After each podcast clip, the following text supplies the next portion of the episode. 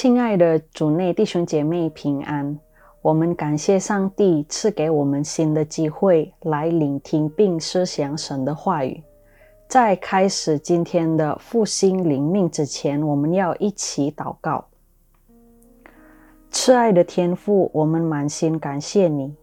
现在我们要预备我们的心来聆听并思想神的话语，求主帮助我们，让我们能够专心来聆听，也求圣灵带领我们能够明白今天的内容。感谢主耶稣，我们祷告奉靠主耶稣基督的名祈求，阿门。今天的领袖主题是上帝的心事与我们的盼望。阅读经文取自于《列王记上》第八章二十二到五十三节。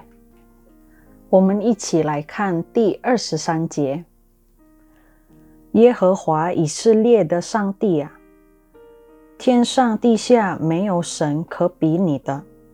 你向那尽行行在你面前的仆人收越是慈爱。通过所罗门王的祷告，我们可以知道，我们所敬拜的上帝在心事守约以及心事对待他的仆人这件事上是无可比的。上帝成就了大卫王的两个应许：第一，所罗门接替了大卫王成为以色列王；第二，所罗门王召见了。圣殿为了高举神的名，但是我们若看在第二十三和二十五节里面所写的，你向那尽心行在你面前的仆人收收月是慈爱，然后再看第二十五节，你的子孙若谨慎自己的行为，在我面前行事，像你所行的一样。就不断人做以色列的国位。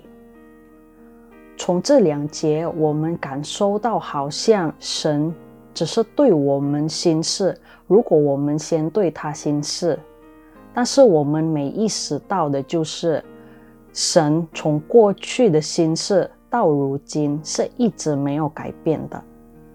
那比如说到有一对情侣，他的对象一直在说谎话。偷东西，爱骂人，也控制不了自己，那他另一个人肯定会感觉到很不舒服，也会感觉到很讨厌，甚至还会感觉到对现有的关系没有信心。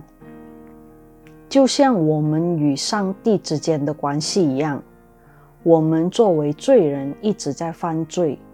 不断的重复我们的过犯，伤了上帝的心。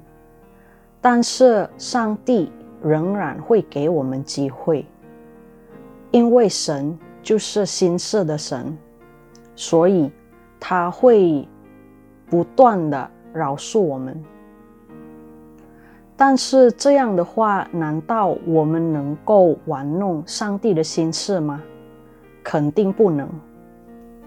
就像第三十一到五十三节里面，所罗门王为那些想起罪来、回心转意而悔改的人民祷告，我们也应该尽心尽心悔改，归附上帝。但是我们所做的一切，不能因为我们知道上帝才会饶恕我们。如果我们承认我们的过犯，我们应该意识到，我们是个罪人，逃不掉犯罪，所以我们选择要相信，只有上帝才能够拯救了我们。在这时候，疫情还在继续，我们不明白为什么每一天确诊的人还是那么多，为什么我们会失去我们所爱的人，为什么别的地方已经有好转？而我们就还没有呢。我们作为人类，肯定不能明白上帝的计划，而渐渐的也开始失去了我们的盼望。但是就是在这时候，在我们找不到我们问题的答案，上帝要我们相信他，上帝要我们一直依靠他，因为上帝是心事的神。那我们怎么保持我们对上帝的信心呢？通过神的话语，我们要阅读经文，参加圣经学习班。通过更认识上帝，我们才能感受到神的带领与陪伴。因为如果这本来就是上帝的旨意，那没有任何个体，也没有任何事情能够取消上帝赐予您的。因为上帝的心事是我们现在到未来的盼望。我们一起祷告。我们在天上的父，感谢你在过去的心事，让我们现在活在这个世界充满盼望。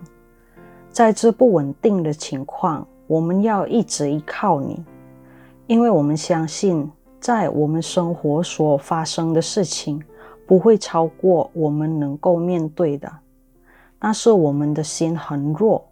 我们容易失望，所以求上帝给我们力量，能够面对一切。求圣灵给我们安慰，让我们可以在不稳定的时候坚持下去。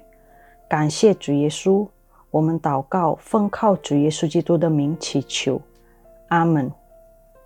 愿今天圣经的种子福信我们的灵命。